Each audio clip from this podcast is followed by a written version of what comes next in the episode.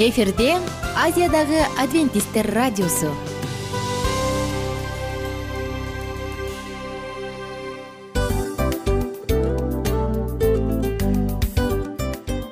Достор салют.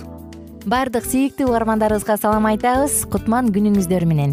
Ден соолук өмүрдүн булагы демекчи саламат саамы программасында баарыңыздарды көргөнүбүзгө абдан кубанычтабыз. Анда алгач амандашып өтөлү арбаңыздар деп. Ден соолугуңуздар кандай элибизде көбүнчө ден соолук кандай дегенде эле жакшы деп жооп беребиз э? ооруп турсак дагы жакшы дейбиз. Анан мен муну айтып ойлойт элем бул абдан сонун сөз депчи анткени бул жакшы деген үмүт да э ооба. баары жакшы болот. Баары сонун. Деп үмүттөнүп атып эле өзүбүздү өзүбүз дарылап коебуз. Анысы кандай? Сиздин дагы ден соолугуңуз жакшы беш деген үмүттөбүз чындыгында ден соолук бул өмүрдүн булагы деп бекеринен айтылган эмес деп ойлойм. Кыргыз элинде анткени эгерде ден соолук жок болсо анда адамдын жашоосунда калган баардык керектүү маңыздуу нерселер өзүнүн баалуулугун жоготуп коет. Ошондуктан ден соолук бул эң керектүү нерсе. Ооба туура айтасың кесиптешим. Чынында ден соолугуң жок бир эки үч күн ооруп калсаң эле э кандай болуп калат? Жашоодо көз каранды болуп каласың көп нерсеге жетишпей каласың көп нерсени кыла албай каласың жада калса эшикке дүкөнгө да чыга албай каласың. Туптуура анан ден соолук болсо демек биз биздин бактыбыз тотой деп койсок болот. Анда достор саламат саамы рубрикабызды баштайлы. Алдыда өзүңүзгө керектүү болгон сонун кеңештерди уга аласыздар. Мына ошондуктан биз менен бирге болуңуздар. Ал эми биз болсо милан жана айнура. Кеттик алга. Алга саламат саама ден соолуктун жарчысы. Саламат саама ден соолуктун ачкычы. Күн сайын сиз үчүн мыкты кеңештер сонун жаңылыктар кызыктуу фактылар биздин рубрикада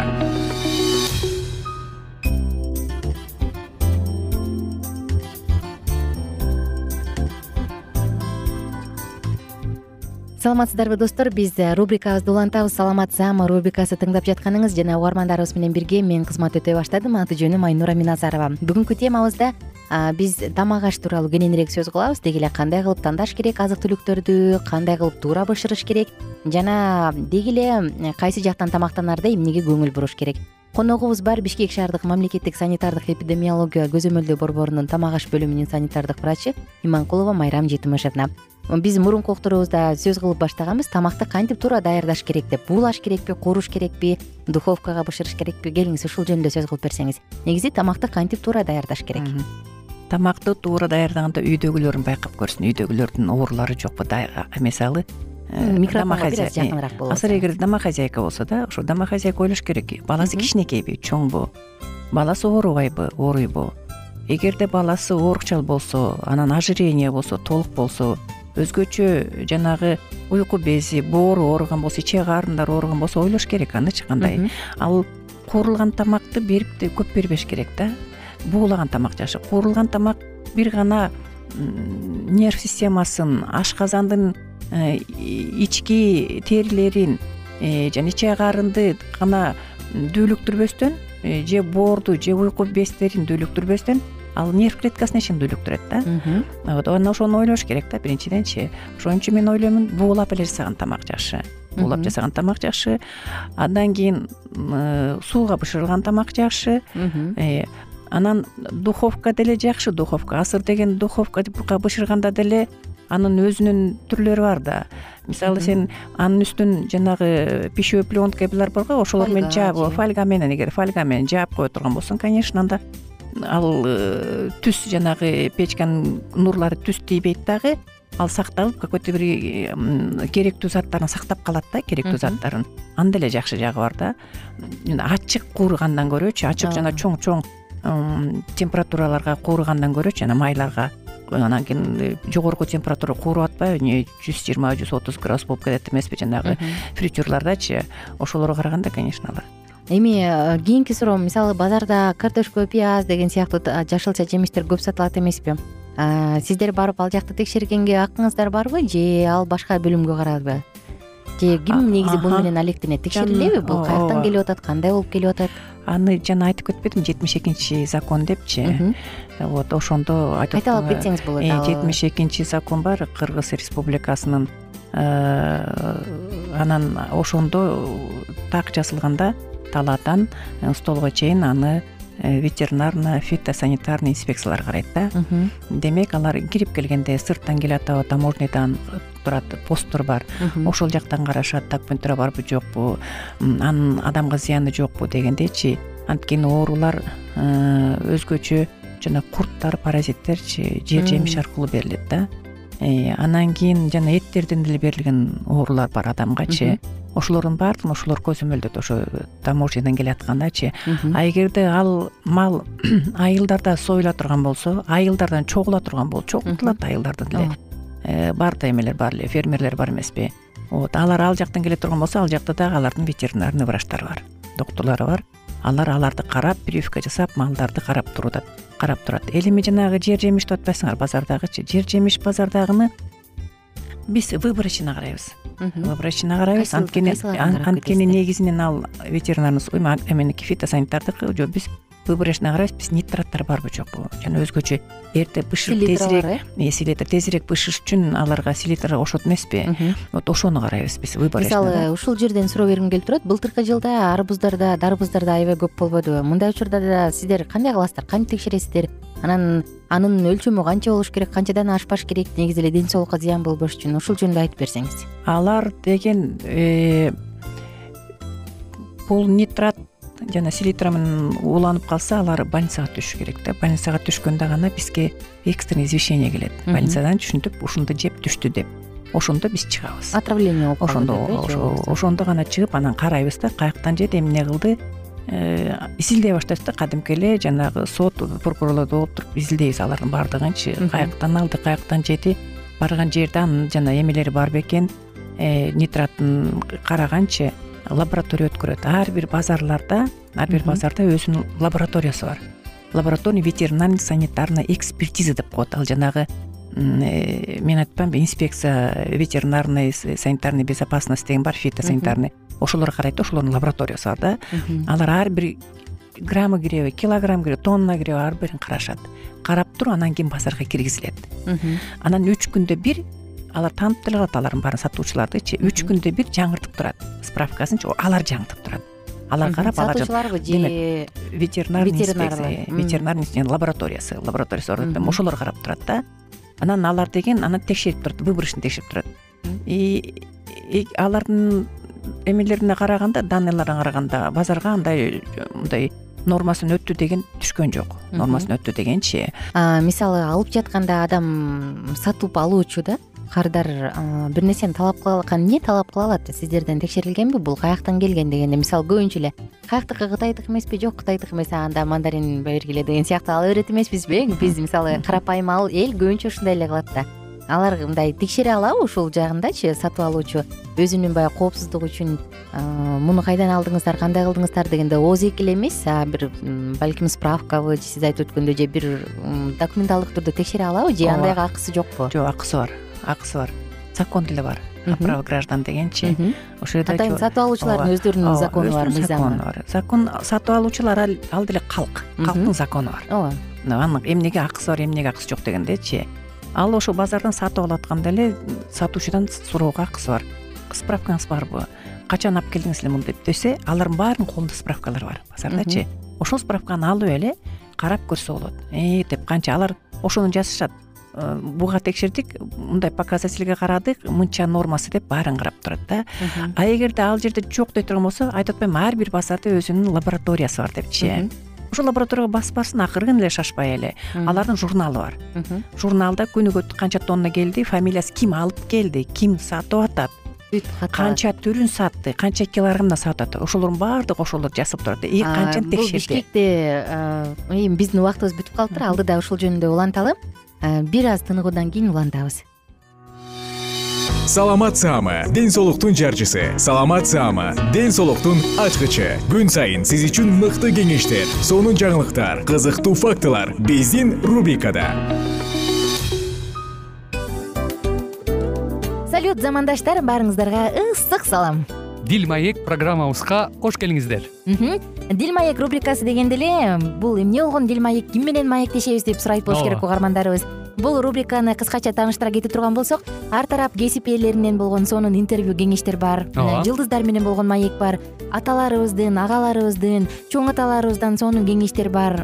Ошондой эле эже сиңдилердин кеңештери бар айтор. Баардык кызыктардын баары алдыда. Негизи эле адам баласы бир кимдир бирөөнө ишенип сырын ачкысы келет эмеспи э? Мындай баарлашууга жакын келебиз го. Албетте. Негизи бир жерге отуруп алып кенен шашпай баягы жүрөктөн жүрөккө ачып сырларыбызды ар кандай көйгөйлөрүбүз менен бөлүшүп баягы чын жүрөктөн маек курганды кимибиз сүйбөйбүз э? Ооба десең ал нерсеге суусап да келебиз да. Ооба кээ бирде адамга чындыгында баягы э, ысык маек баягы жылуу маек жетишпейт да. Ошондуктан биз ушул рубриканы ойлоп тапканыбызда эң биринчи эле достор сиздер менен чын жүрөктөн бир маңыздуу темаларды козгоп кеткени э, кааладык. Ошондуктан ушундай сонун бир рубриканы тартуулап жатабыз. Анын үстүнө радио дагы сонун дос да анткени э, мындай учурда досуңа айтсаң досуң досуна айтат досу досуна айтат да анан бүт өлкө билип калышы мүмкүн го. А радио болсо сени сатпаган сенин айыбыңды ачпаган сенин сырыңды эч кимге айтпаган сонун дос. Мына ошондуктан биздин алдыдагы айта турган кеңештерибизди биздин досторубуздун кеңештерин угуп анан ал жака пикириңизди дагы калтырып кайрадан биз менен байланышсаңыздар болот. Деги эле жашооңузга эгерде кичине болсо дагы өзгөрүү алып моралдык жактан нравовалык жактан сонун бир кеңештерди алсаңыз демек биз максатыбызга жеттик. Ооба.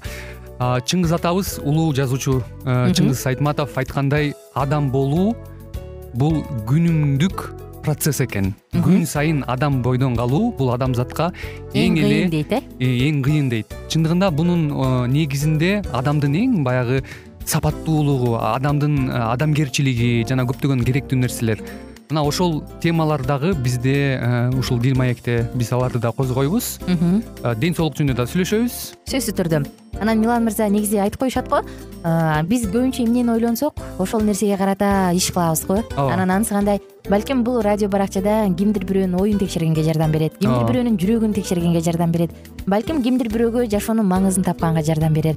Айтор кызыктын баары алдыда бул жөн гана кыскача жарнама анда угармандарыбыздын баардыгын кийинки рубрикабызга чакырабыз. Ал эми кызматта маңдайымда отурган кесиптешим милан жана мен айнура. Анда эмесе биз даярдаган терең терең ойлор менен таанышууга кеттик. Алыс алыс баралык. Анда эмесе достор биз менен бирге болуңуздар алдыда эң кызыктуу маалыматтардын баардыгы бир нече мүнөттөр бою жалгыз гана сизге арналат мына ошондуктан жакшы маанай менен угууну каалайбыз. Үн алышканча. Жөнөдүк. Ар түрдүү ардактуу кесип ээлеринен алтын сөздөр жүрөк ачышкан сыр чачышкан сонун маек дил маек рубрикасында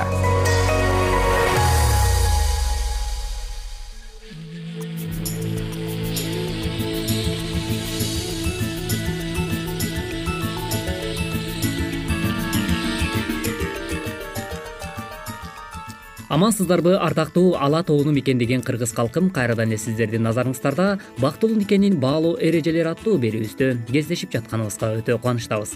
Микрофондо кызматыңыздарда кайрадан эле аты жөнүм мен улан кубанычбеков жана ошондой эле менин кесиптешим саламатсыңарбы жана мен асель мамбетова. Кымбаттуу радио каармандарыбыз кыргыз элибизде айтылган эң жакшынакай макал бар э, жаңылбас жак мүдүрүлбөс туяк болбойт демекчи. Бүгүнкү программабыздын темасында дал ушул үй бүлө жаатына арналган э, бүгүнкү учурда биздин үй бүлөлүк мамиледе биз ката кетирип алган учурда ошол катаны кантип оңдосок болот? Ушул туурасындагы бир нече кеңештерибиз менен бүгүнкү программабызда бөлүшүп өтмөкчүбүз. Андыктан кымбаттуу угармандарыбыз биздин ободон алыстабай дал ушул мүнөттөрдө биз менен бирге болуңуз урматтуу угармандар муну билүү өтө маанилүү. Катаңарды мойнуңа ала билсең жоопкерчиликтүү ишеничтүү адам болосуң. Ал эми угарманым сен бул жаатта эмне кылаар элең мындай жагдайды элестетип көрсөң. Артур топ ойноп жатып кошунасынын машинесинин терезесин талкалап алды. Анын ордунда болсоң эмне кылат элең? Шашпай ойлонуп көр. Үчөөнүн бирин танда. Биринчиси качып кетесиң экинчиси башкага шылтап коесуң. Ал эми үчүнчүсү күнөөңдү мойнуңа алып төлөп берээриңди айтасың. Мүмкүн биринчи жоопто жазылгандай качып кеткиң келмектир. Бирок терезе сындырасыңбы? Же дагы башка туура эмес иш кыласыңбы? Аны ачык айтканың маанилүү. Буга орчундуу себептер бар.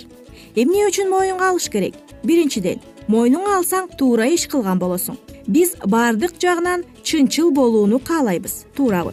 Ал эми экинчиси катасын моюнга алгандарды кечирүү оңой. Кылмыштарын жашырган киши ийгиликке жетпейт ал эми мойнуна алып аларды таштаганга ырайым кылынат делет. Ал эми үчүнчүсү баарынан маанилүүсү. Адамзат негизинен арамзадан жийиркенет. Ал эми чынчыл адамдар менен жакын мамиледе болот деп айтылат. Ошондуктан урматтуу угармандарыбыз жамандан алыс болуп жакшыга жанаш деген дагы элибизде эң жакшынакай сөз бар эмеспи сабырдуулукту үйрөнүү өз алдынча болуу ошондой эле өжөрлүк коомдук жашоодогу эрежелерди үйрөнүү ички сезимдерди жөнгө салууну үйрөнүү. Ошондой эле сиздин чүрпөңүз кичинекей болсо ал өз алдынча горошокко отурууну үйрөнүү.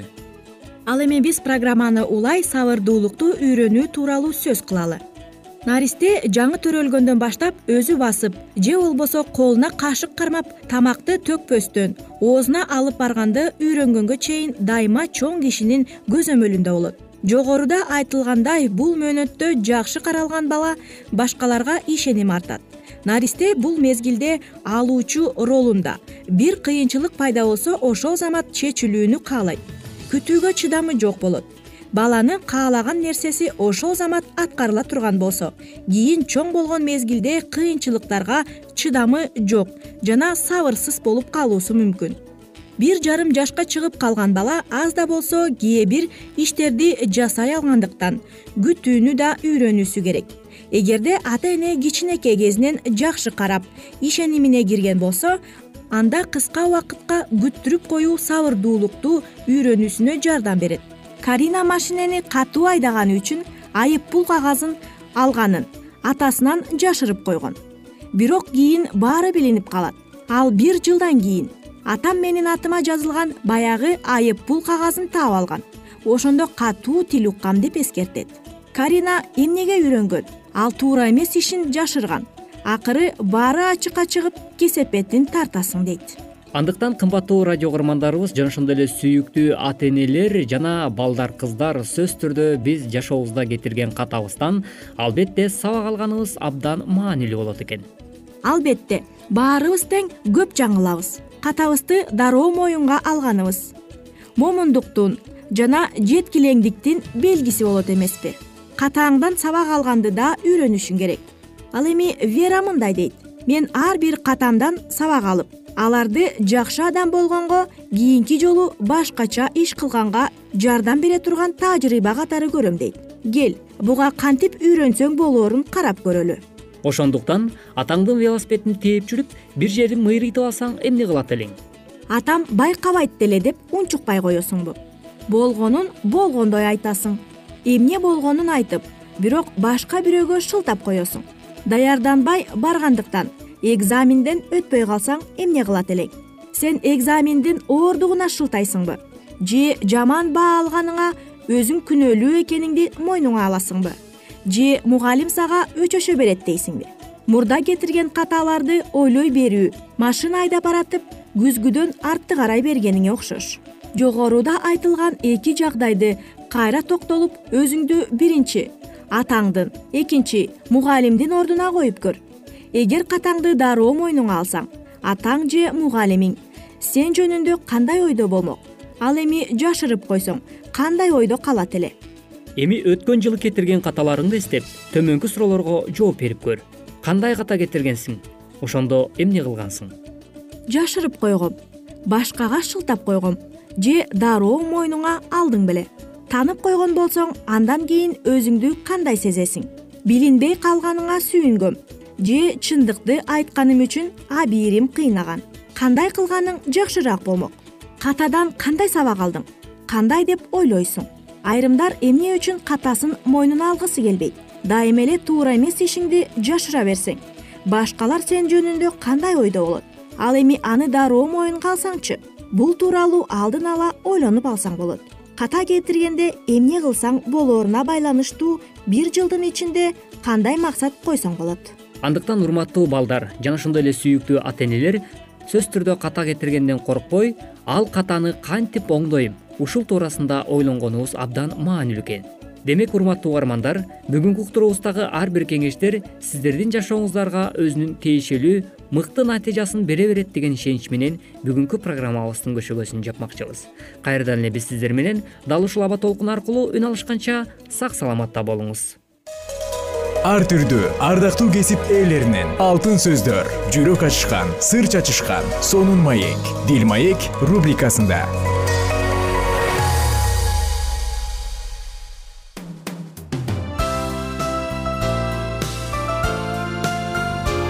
Эфирде азиядагы адвентисттер радиосу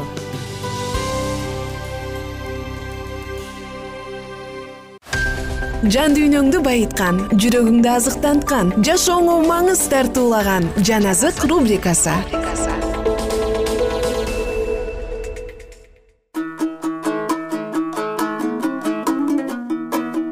Арбаңыздар ардактуу кыргыз элим ала тоону аркалаган жалпы биздин ага эне туугандар эжекелер апалар жана сиңдилер сиздер менен бирге забур китебин улантабыз. Уктугуп жатканыңыз жан азык уктуруусу. Биз менен бирге болуңуздар. Алдыңкы мүнөттөр сиз үчүн эң сонун жагымдуу жана кымбат мүнөттөр болот деп ишенем.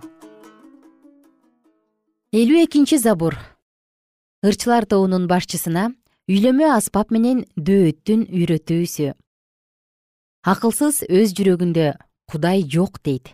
Алар бузулуп жийиркеничтүү кылмыштарды кылышты. Жакшылык кылган бир да адам жок кудайды издеген акылдуу адам барбы же жокпу көрүш үчүн кудай асмандан адам баласын карады. Бардыгы жолдон чыгышты бардыгы бирдей жараксыз болуп калышты. Жакшылык кылган адам жок бирөө да жок. Мыйзамсыз иш кылгандар менин элимди нандай жегендер кудайды чакырбагандар чын эле акылына келишпейби алар коркунуч жок жерде коркушат. Анткени кудай сага каршы чыккандардын сөөктөрүн чачат. Сен аларды уяткарасың анткени кудай аларды четке каккан. Ким сион тоосунан ысырайылды куткарат. Кудай өз элин туткундан өз жерине кайра алып келгенде жакып кубанат ысрайыл шаттанат. Элүү үчүнчү забур. Ырчылар тобунун башчысына кыл кыяк аспаптар менен. Зуптуктар шабуулга келип дөөт биздин жерде жашынып жатат дешкенден кийинки дөөттүн үйрөтүүсү. Кудай мени өзүңдүн ысымың үчүн сакта. Мага өзүңдүн күчүң менен өкүм чыгар. Кудай менин сыйынуумду ук. Менин оозумдан чыккан сөздөргө кулак сал. Анткени жат эл мага каршы чыкты. Зулумдар мени өлтүрүүнү каалап жатышат. Алар кудайдын алдына келүүнү каалашпайт. Кудай менин жардам берүүчүм теңир менин жаныма күч берет. Ал менин душмандарымды кыянаттыгы үчүн жазалайт аларды өз чындыгың менен кырып сал мен сага чын жүрөктөн курмандык чалам. Сенин ысымыңды даңктайм теңир. Анткени сенин ысымың жакшы. Анткени сен мени баардык кайгыдан куткардың көздөрүм душмандарыма тике карады. Элүү төртүнчү забур. Ырчылар тобунун башчысына кыл аспаптар менен дөөттүн үйрөтүүсү. О кудай менин сыйынуумду ук. Менин жалбыраган үнүмдү укпай койбо. Мени тыңша мага кулак сал кайгыдан кыйналып онтоп жатам. Душмандын үнүнөн кудайсыздын кысымынан коркуп жатам. Анткени алар мага каршы мыйзамсыз иштерди жасап жатышат каарданып кастык кылып жатышат жүрөгүм титиреп жатат мени өлүм коркунучу каптады мени коркунуч менен калтырак басты үрөйдү учурган коркунуч каптады. Ошондо мен мындай дедим. Ким мага көк учкөндүкүндөй канат берет? Мен учуп чыгып тынчалар элем алыска учуп кетип ээн чөлдө жашар элем. Куюндан бороондон жашынганга шашылар элем. Теңир аларды талкала. Аларды ар кандай тилдерге бөл. Анткени мен шаарда болуп жаткан зордук зомбулукту чыр чатакты көрүп жатам. Алар күн түн дебей шаар дубалдарын айланып жүрүшөт. Шаар ичинде кыянатчылык менен кыйынчылык. Анын дал ортосунда бүлгүн чапкын. Шаардын көчөлөрүнөн алдамчылык менен эки жүздүүлүк кетпейт анткени мени шылдыңдап жаткан адам душманым эмес аны мен көтөрмөкмүн. Мага менменсинип жаткан адам мени жек көргөн адам эмес андан мен качып кутулмакмын. Бирок ошол сенсиң жаандай көргөн досум жакын адамым. Сен экөөбүз чын жүрөктөн сырдашчу элек кудайдын үйүнө бирге барчу элек алардын түбүнө өлүм жетсин. Алар өлгөндөр жаткан жайга тирүүлөй түшсүн. Анткени алардын үйүндө алардын арасында кыянаттык бар ал эми мен кудайды чакырам. Ошондо теңир мени куткарат. Эртең менен да түштө да кечинде да жалынып жалбырам. Ошондо ал менин үнүмдү угат. Ким менин жанымды мага каршы чыккандыктардан тынчтык менен куткарат? Анткени мага каршылар көп. Кылымдардан бери тактыда отурган кудай угуп алардын моюнун сундурат анткени аларда эч өзгөрүү жок. Алар кудайдан коркушпайт алар өздөрү менен тынч жашагандарга кол салып өздөрүнүн келишимин бузушту. Алардын ооздору майдан да жумшак бирок жүрөктөрүндө кастык. Сөздөрү зайтун майынан да жумшак бирок өздөрү кындан сурулган кылыч. Өз түйшүктөрүңдү теңирге тапшыр. Ошондо ал сени колдойт. Ал адилеттүү адамдын олку солку болуусуна эч качан жол бербейт. Кудайым сен аларды өлүм ордуна түшүрөсүң. Канкорлор менен кара ниеттер өмүрүнүн жарымын да жашабайт. Ал эми мен теңир сага гана таянам. Элүү бешинчи забур ырчылар тобунун башчысына жат элдин арасында үндөбөгөндү көгүчкөн жөнүндө дөөттүн периштиликтер гаатта кармап алганда жазган жазуусу ырайым кыл мага кудайым. Анткени мени жуткусу келген адам күнүгө мага кол салып кысымга алып жатат. Мени душмандарым жуткусу келип ар күнү издеп жүрүшөт анткени мага каршылар өтө көп кудураттуу теңир. Мени коркунуч басканда сага таянам. Мен кудайды сөзү үчүн даңктайм. Кудайга таянам коркпойм. Адам мага эмне кыла алат? Ар күнү менин сөздөрүмдү тескери буруп алышат. Алар мага каршы жамандык ойлошот. Топтошуп бекинип менин жанымды тузакка түшүрүш үчүн баскан изимди аңдышат. Кантип эле алар өздөрүнүн жалган тиштери үчүн жазадан кутулуп кетишсин кудай каарың менен бул элдерди талкала. Менин жер кезип жүргөн күндөрүм сенде эсептелүү. Көз жашымды өз идишиңе куй. Алар сенин китебиңде жазылган эмеспи? Мен сени чакырганда душмандарым артына качышат. Кудай мен тарапта экенин ошондо билем. Мен кудайды сөзү үчүн даңктайм. Мен теңирди сөзү үчүн даңктайм. Кудайга таянам. Коркпойм. Адам мага эмне кыла алат сага берген убадаларымды аткарам кудайым сага ыраазычылыгымды билдирем. Анткени сен менин жанымды өлүмдөн куткардың. Кудайдын алдында тирүүлөрдүн арасында жүрүшүм үчүн бутумду да мүдүрүлткөн жоксуң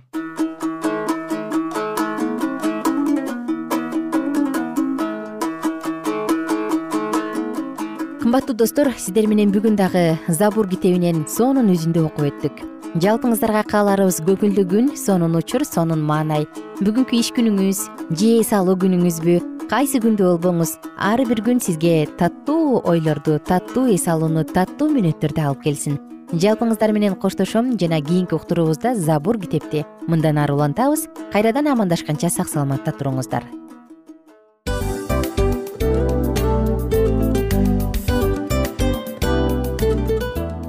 достор биздин радио баракчаларыбыз соңуна келди. Демек бул программабызды дагы жыйынтыктачу учур келдик. Учурга келдик. Анан кесиптешимден сурагым келип турат. Негизи эле иштин башталып атканы кубандырабы сени же жыйынтыгы кубандырабы албетте жыйынтыгы. Себеп дегенде сен кылган ишиңдин жыйынтыгын көрүп э, баягы мөмөсүн көрүп дегендей жыргайсың жүрөгүң жемишинен тартып э кандай даамдуу деп. Баягы буудай сепкенде эмес буудай эгинди жыйнагандан кийин ысык нанды жегенде кадимкидей ырахаттанасың го. Ой айтпа туура айта кеттиңиз. Сонун салыштыруу болду анан мен дагы абдан кубанып турам. Анткени биз угармандарыбыз үчүн аябай эмгектенип келген уктуруубуздун соңуна келип калдык анан эми уктуруубуздун соңунда угармандар кандай пайда алып калды экен деп күтүп турам да. Балким э, менин жашоомо өзгөрүү киргизе турган сонун сөздөр болду. Мен ушул нерсени изилдеп анан кабыл албасам ушул нерсени кылбасам деген чечим чыгарсаңыз анда биз абдан кубанычтабыз. Сөзсүз түрдө. Андыктан кийинки биздин кызыктуу уктурууларыбыздан көрүшкөнчө сак саламатта калыңыздар. Чыдамсыздык менен сиздерди мен милан жана кесиптешим айнура күтөбүз баардык угармандарыбызга ийгиликтүү күн каалайбыз. Качан гана болбосун уртуңуздан жылмаюу кетпесин үйүңүздө көмүр жүрөгүңүздө көңүл болсун дейли